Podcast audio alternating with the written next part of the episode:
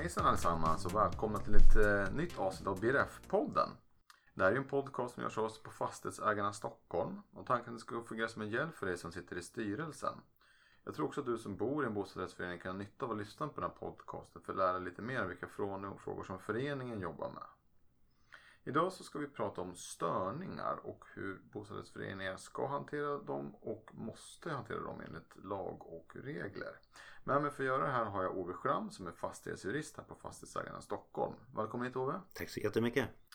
Vi brukar alltid hoppa rakt in i dagens ämne och jag tycker att vi gör så idag också. Om vi börjar då med störningar. Vad är en störning ur liksom ett boendeperspektiv?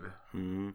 Det är viktigt att eh, fundera runt den frågan för att är det inte en störning ska man ju naturligtvis inte agera från styrelsen. Eh, ibland kan saker upplevas störande fast de kanske inte rent juridiskt är en störning. Och då får man kanske lösa det på något annat sätt med ett samtal eller så. Så att eh, steg ett är ju egentligen att fundera på är det här en störning som vi nu får en anmälan om?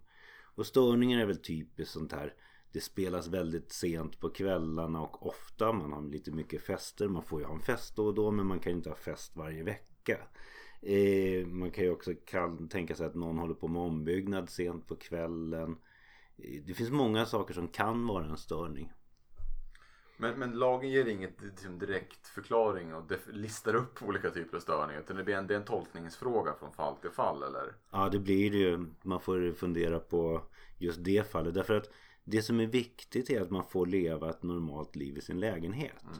Det vill säga barnen får gå upp tidigt på morgonen och leka med lego. Häller ut legohinken över golvet och det är klart att det låter och det gör det i ett flerbostadshus. Det får man acceptera men man kanske inte behöver acceptera att barnen spelar innebandy i lägenheten. Det är någonstans där gränsdragningen får gå. Och det är de frågorna man måste ta ställning till i styrelsen om man får en anmälan om störningar. Och det blir egentligen styrelsen då som blir en första instans och får göra den här gränsdragningsbedömningen om jag förstår det rätt eller? Ja det gör det därför att är det en störning så är styrelsen skyldig att ta det vidare. Mm. Är det inte en störning så ska styrelsen inte ta det vidare. Mm. Så att det är en ganska viktig fråga. Den väldigt enkla frågan är det eller är det inte en störning? Mm. Och den är inte helt enkel alla gånger. Nej. Och då får man ju fundera på vad har vi för hjälpmedel för att ta reda på om det är en störning eller inte. Eh, det enklaste är naturligtvis om man kan gå dit och lyssna när det här håller på. Men det är inte säkert att styrelsen behöver eller vill springa upp mitt på natten och lyssna på musik i någons lägenhet. Nej, nej det förstår man. man får ju eh, hantera saken efter vad det gäller. Och ibland kan man ju eh, göra så att man har en störningsjour. Det kostar förvisso lite varje gång de rycker ut men man får väldigt bra rapporter. Eh, de är tillförlitliga och man kan ha dem sen som bevisning senare om man behöver. Just det, då ringer den, den boende som upplever en störning till störningsjouren mm. istället för att ringa till ordförande mitt i natten och så kommer de ut och gör en, en undersökning. Precis, delvis så lugnar de ner situationen om det är en störning och delvis så gör de en rapport som man sen har som man kan lägga till grund för när man går vidare. En annan metod är att man går, eh, delar ut lappar kanske till de boende runt om och ber dem fylla i när, var och hur finns det störningar. För det är klart att är det bara rapporter från en som säger att det finns störningar så kan man ju inte veta. Är det så att det här är en ovanligt känslig person som bor under eller är det en störning? Då vill man ju ha rapporter från flera grannar som säger att det är en störning. Och är det flera som säger störning vid samma tillfälle då är det ju också så. Då, då är det mycket som talar för att det faktiskt är det. Och då ska man gå vidare. Just det, det blir mycket starkare bevis helt enkelt. Mm, precis. Och om, då, om det är konstaterat att det är en störning. Mm. Eh, hur går man vidare då? Vad ska man som styrelse i en bostadsrättsförening göra? Ja, först kan man ju naturligtvis alltid prata med människor. Det är en bra början. Men om det inte hjälper, då måste man som styrelse skicka en rättelseanmodan. En rättelseanmodan är precis som det låter en anmodan att vidta rättelse. Det måste innehålla två saker. Delvis ska den beskriva vad det är man har gjort som är störande. Och delvis ska den beskriva konsekvensen av om jag fortsätter med det. För det gör att jag nu måste vidta rättelse. Jag får inte fortsätta bete mig på det här sättet. Och är det hög musik så skriver man det. Att det har förekommit hög musik från din lägenhet. Och konsekvensen är ju att jag faktiskt kan bli uppsagd från min lägenhet. Mm. Och det är ju allvarligt men man måste skriva rakt på och tydligt. Annars eh, har man inte beskrivit konsekvensen och då har man inte heller någon möjlighet att säga upp personen. Nej. Sen finns det ett krav till. Man måste underrätta socialnämnden i kommunen om att man har skickat en rättsanmodan. Så att de har möjlighet att gå in och hjälpa till om det är sociala problem. Och det här ska man kunna visa på att man har skickat både till socialnämnden och till bostadsrättshavaren. Så att man behöver skicka det rekommenderat. Jag skulle säga till både socialnämnden och till bostadsrättshavaren.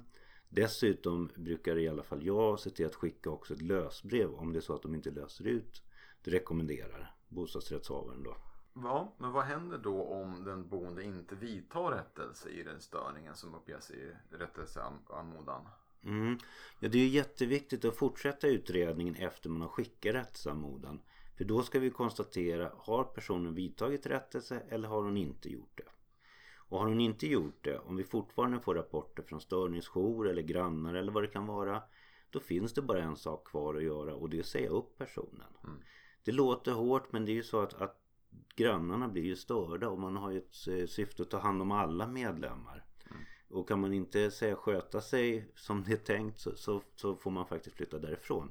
Alternativet är ju att grannarna börjar flytta därifrån och det är ju inte rättvist heller. Nej. Så att det kan låta hårt men, men det måste bli konsekvensen. Och i de allra flesta fall skulle jag säga så blir det en lösning på problemen på vägen fram här.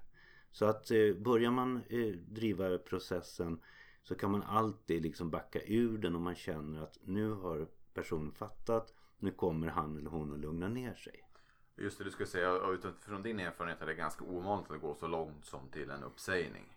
Ja, faktiskt eh, så brukar man hitta en lösning. Ibland kan lösningen ligga i att, att någon flyttar därifrån faktiskt. Eh, Alltså att den som har upplevt störande ger upp på något sätt och flyttar. Men det är också en lösning. Och lite kort bara, om, om det ska bli en uppsägning av lägenheten då, då blir det en tvångsförsäljning av, av bostadsrättsinnehavarens lägenhet. Det skulle kunna bli ytterst men där brukar man också komma överens och säga att du får sälja lägenheten om du gör det inom den här tiden. Just det. Eh, Så man gör en överenskommelse där. Mm. Men det är klart att ibland så kan det gå ända bort till tvångsförsäljning. Så, så kan bli den yttersta konsekvensen. Mm. Hur gör man då som styrelse i förening för att upprätta en anmodan om rättelse? Jag skulle säga om man inte har gjort det förut så är det bra om man tar lite hjälp. För det är formkrav och det är formkrav för hur den ska skickas och så. Så att har man en förvaltare, prata med förvaltaren. Man kanske också ska vända sig till en jurist och känns det här som det är väldigt angeläget då tycker jag att man tar hjälp så att allting blir rätt. För blir det fel så får man börja om från början och det är ganska tråkigt att tappa den tiden. Mm. Och framförallt tycker jag då att går det vidare, det kan ju bli en domstolssak. Att, att den som har blivit uppsagd bestrider och så hamnar man i domstol. Då tycker jag definitivt man ska ta hjälp av en jurist. Så man får allting rätt och man får värdera bevisningen. Och man får hjälp att lägga fram sin talan i domstolen. En annan fråga jag tänkte på också. Om, om, du, om någon boende då anmäler till styrelsen att de upplever en störning men de tycker inte de får någon gehör för styrelsen i det. Kan den boende vända sig till någon annan instans för att få, få det här drivet så att säga? Ja, alltså upplever man sig störd så skulle man ju till syvende och sist kunna gå till domstol och begära få nedsättning på sin årsavgift därför att styrelsen inte gör någonting. Det kräver ju då att styrelsen har varit passiv. Ja men jättebra. Men om vi ska runda av dagens avsnitt så, så egentligen vilka, vilka sammanfattningar, sammanfattande ord skulle du vilja skicka med lyssnarna? Jag tänker styrelsen måste vara aktiv i det här. Man kan inte ignorera om man får in störningsanmälan. Så man måste göra en utredning. Sen må utredningen komma fram till att det finns störning eller inte. Men man måste göra utredningen i alla fall och klargöra. Och är det störningar då måste man gå vidare. Mm. Ja men jättebra. Det, men det vill jag, tror vi är nöjda idag. Tack så mycket för att du tog dig tid att komma hit Ove. Tack så mycket. Tack tack. Hej.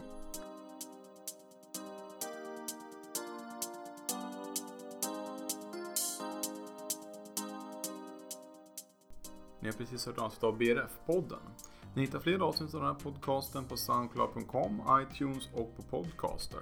Ni kan även hitta dem på vår hemsida fastighetsagarna.se Stockholm. Men jag vill jag tacka för oss och önska på återseende framöver.